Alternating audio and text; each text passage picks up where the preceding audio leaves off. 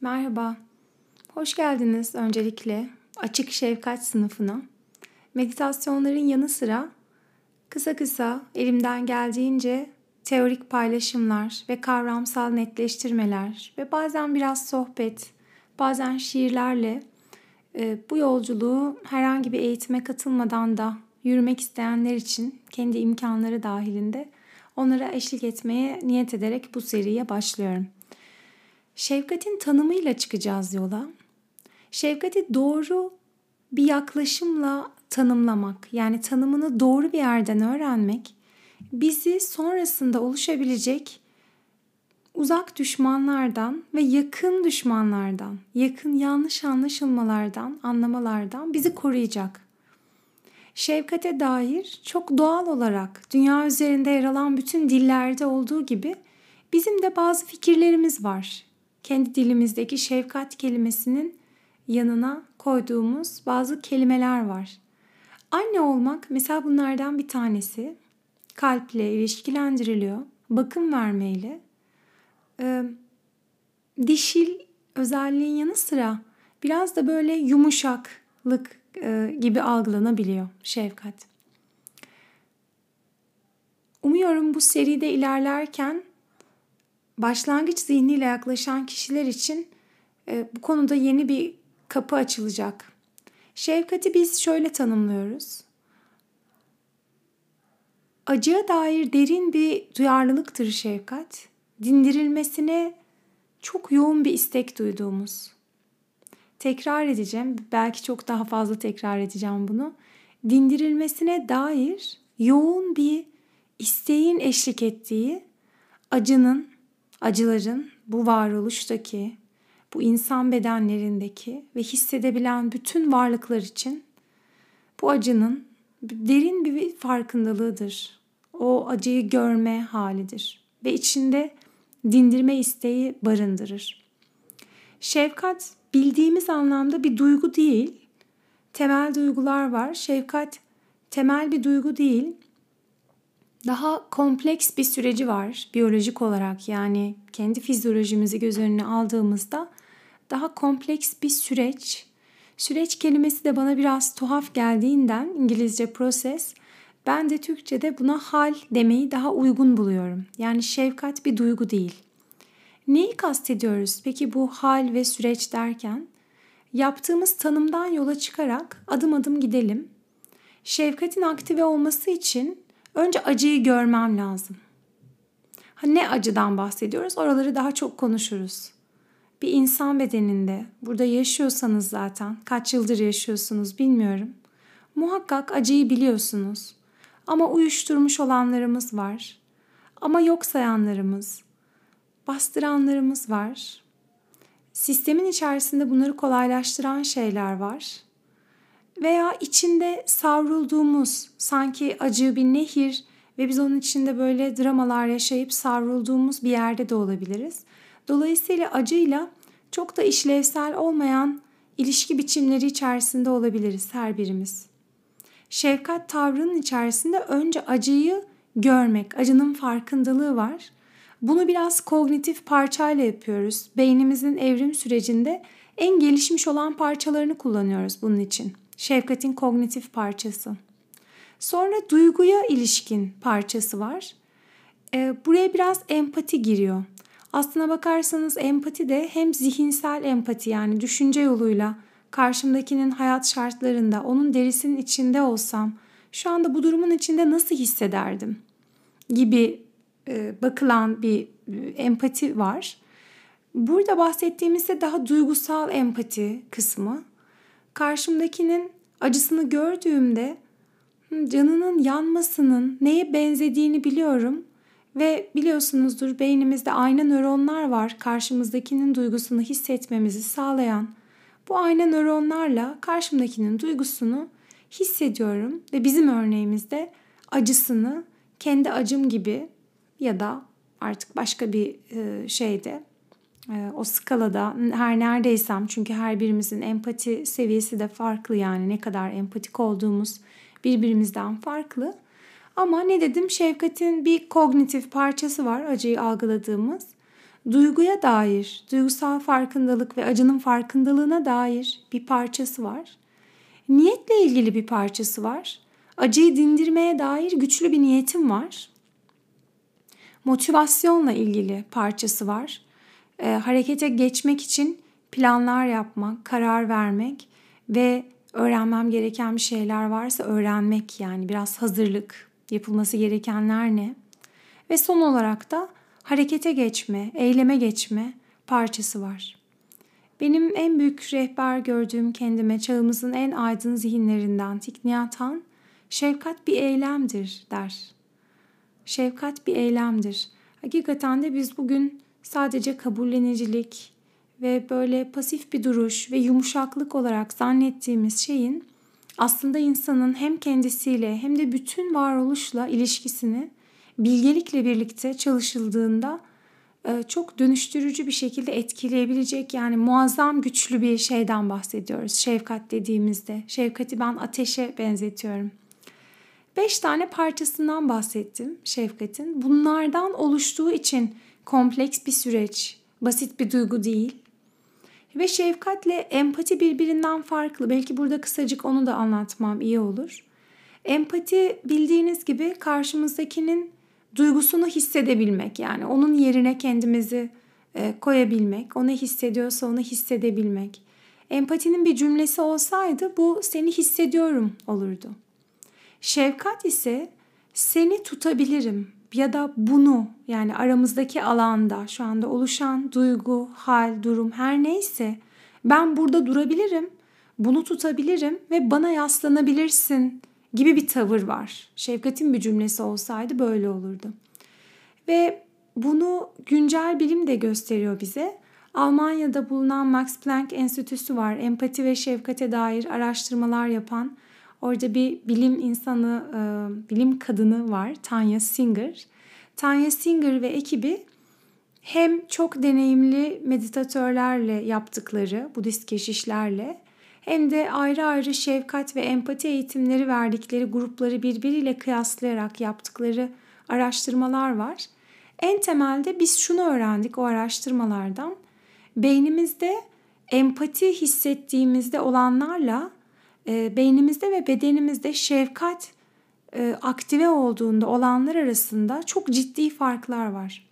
Empati hissettiğimizde beynimizde duygusal farkındalık merkezlerimiz ve acıya dair farkındalığımızın olduğu yerler alevlenirken, o nöronlar ateşlenirken şefkatte buna ek olarak e, öğrenmeyi sağlayan, karar vermeyi, plan yapmayı ve harekete geçmeyi sağlayan merkezler aktive oluyor. Bu çok kıymetli bir bilgi çünkü biz bunu zaten kadim bilgelikten biliyoruz. Yani şefkat çok enerji veren bir şeydir. Şefkatin yorgunluğu olmaz. Özellikle yardım verme mesleklerinde çalışanlar, işte terapistler, sağlık alanında olabiliyor. E, literatürde eskiden şefkat yorgunluğu diye geçen bir kavram vardı. Onu artık güncel bilimsel platformlarda adına şefkat yorgunluğu dememeliyiz. Bu empati yorgunluğu ya da e, caregivers fatigue diyorlar. Bakım veren yorgunluğu.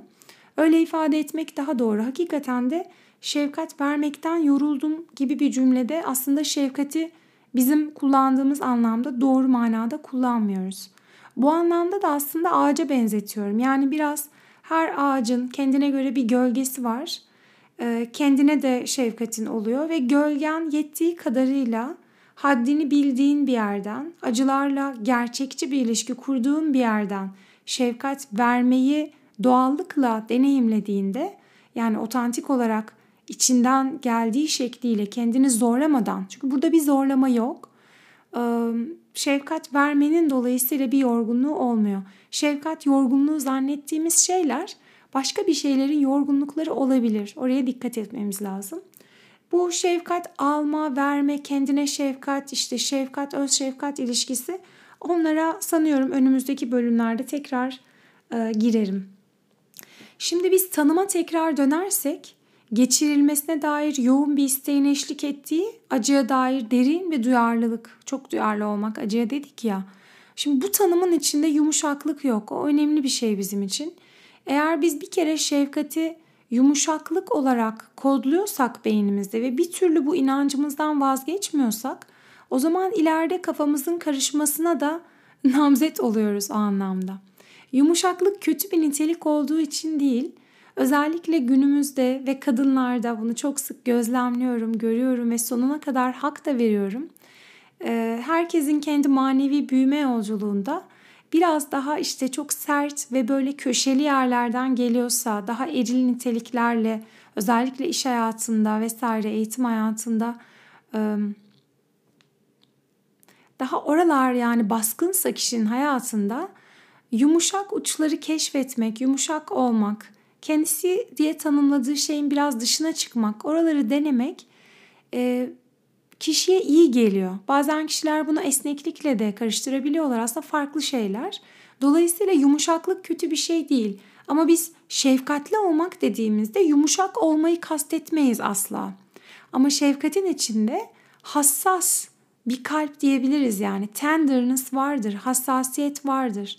Ama yumuşaklık diyemeyiz. Çünkü şefkatin hem çok sert olabilen, alevli olabilen, azılı olabilen, çok harekete geçiren insanı ve neredeyse öfke kadar bize enerji veren, belki öfkeden daha çok demem daha doğru.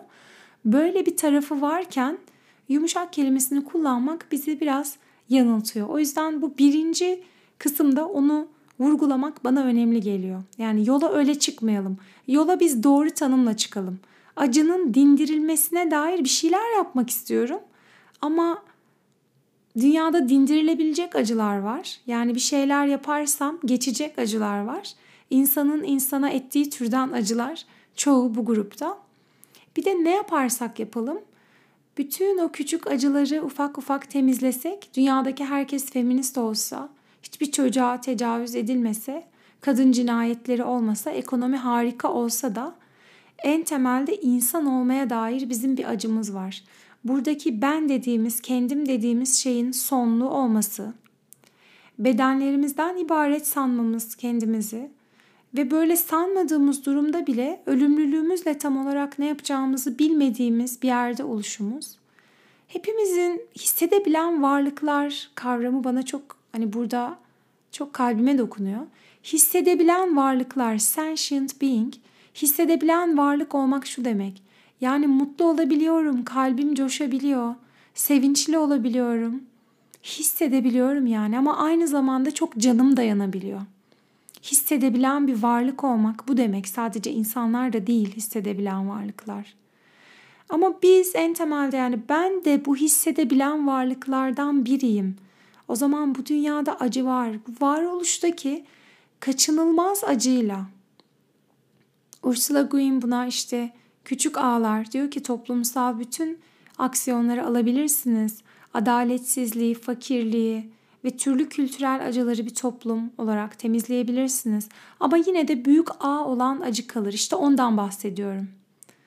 Anladığım kadarıyla Lord Buddha da aynı şeyden bahsetmiştir aslında Duka'yı anlatırken. Duka, Buda'ya göre dört asil gerçekten bir tanesi ve birincisi life is suffering, hayat ızdıraptır. Hayattaki bu kaçınılmaz olan acının gerçekliğini söyler dört asil gerçekten birincisinde. Biz hissedebilen varlıklar olduğumuz için canımız yanmasın istediğimiz için evrimsel olarak böyle biyolojik olarak böyle canımız yanmasın istediğimiz için ve mutlu olmak istediğimiz için ama varoluşta da kaçınılmaz olarak acı olduğu için hiçbir şey olmasa bizim belirsizlikle, yaşamın bu muğlak zeminiyle aramız hiç iyi olmadığı için bugün üzerinde çalışılmazsa sıradan normal bir insanın zihni oldukça ızdıraplı, kendi kendine ızdırap yarattığı, sanrıların içinde yaşadığı bir hapishanenin içinde yaşıyor yani o anlamda. Dolayısıyla biz şefkati çalışmaya önce acıları görmekten başlayacağız. Yani görme niteliğini geliştirmeden, bilgelik geliştirmeden şefkati de çalışamayız. Yani sadece böyle hani bakım vereceğim, koşacağım, verici olacağım falan öyle bir şeyden bahsetmiyoruz şefkat derken. Bilgelikle şefkat bir kuşun iki kanadı gibi. Birini çalışmadan öteki olmuyor. Neden böyle? Clarissa Estes kurtlarla koşan kadınlarda şöyle der. Görebildiklerimize dayanma gücümüz olmazsa yolu yürümeye devam edemeyiz. Biraz kelimelerini değiştirdim çünkü okumuyorum tamamen kafamdan konuşuyorum şu anda. Yani hakikaten bu iş böyledir. Bu yol şefkatsiz yürünmez. Eğer biz gerçeği görme yolundaysak, yani hakikati arıyorsak, gerçeği görme yolunda gördüklerimize dayanma gücüne ihtiyacımız vardır. Bu çoğu zaman zannedildiği gibi yani böyle insan oturup meditasyon yaptığında sürekli huzurlu yani elbette huzurlu bir zihin haline doğru gideriz ama şunu demeye çalışıyorum. İnsanın bu yolda pek çok şeyi bırakması, pek çok şeyden vazgeçmesi, pek büyük bedeller ödemesi, yanması gerekir yani kendisini yakması gerekir ve çok canı yanar ve insan yüzleşmesi çok da kolay olmayan çirkin halleriyle yüzleşir. Bakılması çok da kolay olmayana bakar. Bugün insanlar birbirlerine çok kolay işte kibirli olmak çok kötü. İşte o kibirli olmayalım. Haset etmek çok kötüdür. Bilmem nedir. Yani böyle hani erdemleri böyle bir yerden konuşmaya başladığımızda altı çok boş oluyor. Bu söylemlerden yani bu söylemleri kendisiyle hakiki bir bağ kurmuş ve buralara böyle çirkin taraflarına, kabullenmesi, görmesi zor taraflarına e, bakmış bir kişinin ağzından çok duyamazsınız. Çünkü zaten söyleyemez öyle şeyler. Hepimizde sahnenin arka planının aynı olan ham maddesine dair çünkü bir içgörüsü vardır. Bizim hem bedenimizde yani magnezyum, kalsiyum artık hangi mineraller varsa topraktan geldik ve toprağa dönecek olan bedenimiz bir taraftan da Shakespeare'in dediği gibi yani rüyaların yapıldığı maddeden yapılmayız biz. Ve eğer o rüyaların yapılmadan, rüyaların yapıldığı maddeden yapıldığımızla bir bağlantımız varsa o zaman dokumanın o aynı olan kumaşını görebiliriz birbirimizde. Ve o zaman acı çekmedeki ortaklığımızı görebiliriz. Tamam mı? Yani o yüzden bu yolda insan kendisine oldukça zorlayacak gerçekler görür. Yani gerçeğe bakmak bir yönüyle büyük bir kısmıyla acıya bakmak oluyor. Ve insan acılarına bakım vere vere büyüyor. Yani biz bu varoluşta acıyla öğreniyoruz. İşte no mud no lotus diyor. Çamur yoksa nilüfer çiçeği yok, lotus yok. Ne demek? Niye yok? Yani çamur yoksa diğeri niye yok? Biz ancak ızdırapla, acıyla öğreniyoruz. Ama burada güzel bir şey var, soru var. Yani peki o zaman şimdi başına çok zorlayıcı hayat deneyimleri gelen insanlar var veya herkesin canı yanıyor. Neden herkes acılarla bu kadar dönüşmüyor? İşte orada sadece başımıza gelen olayları böyle bir acılar hiyerarşisi yapar şekilde kıyaslamak değil. Orada acıya ne kadar bakım verdiğimiz yani acı çekerken acı çeken benliğe bakım vermek de önemli. Onu da yatsıyamayız. Ee, yanı sıra acının doğasına dair bir bilgelik geliştirmeden de bu yolun çok yürünebileceğini düşünmüyorum. Yani neden bir başımıza geliyor? İşte bu dünyada niye acı var? Bu neden, neden, neden soruları kısmetse bir yerde yerini yani neden mi, iyi mi, kötü mü bilmiyorum ama burada acı var yani. Böyle bir yere bağlıyor insan. Bunu bunu gördüğü bir yer gelebiliyor insanların. Kime göre, neye göre geliyor sahiden bilmiyorum. Ee, acının doğasına dair elbette konuşacak çok şey var, çok tavır var. Şimdilik biraz şefkatin tanımından bahsettik burada. Biraz sohbet gibi yani aklıma gelenlerden ve akışına konuşuyorum öyle. Çok aşırı yapılandırılmış bir şey içerisinden gitmeyeceğim bu e, paylaşımlarda. Şefkatin tanımını yaptık. Bir duygu olmadığını, bir süreç olduğunu, biraz daha kompleks bir süreç olduğunu ve hangi parçaları olduğunu konuştuk. Biraz şefkatle empatinin farkından bahsettik. Dolayısıyla şefkatin yorgunluğunun olmayacağından ve şefkatin içerisindeki görme niteliğinden.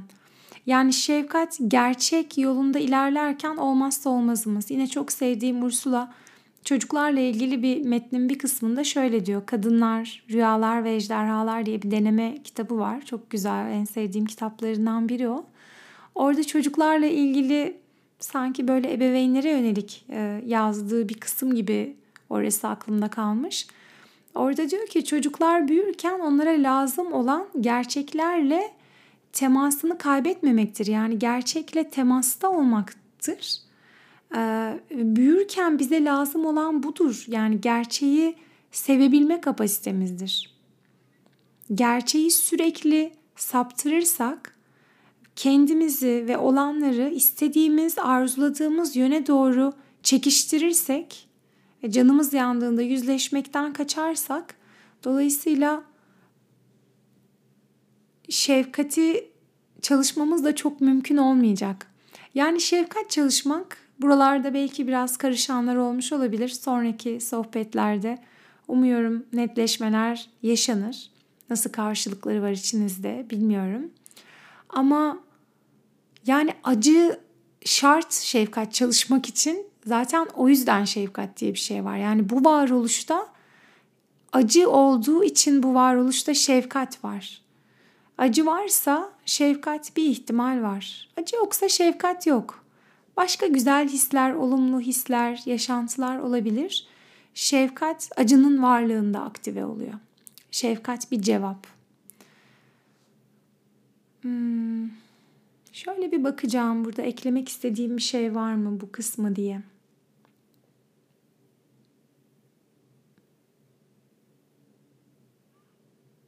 Evet, burayı şimdilik bu kadar. Burayı bununla bitireceğim.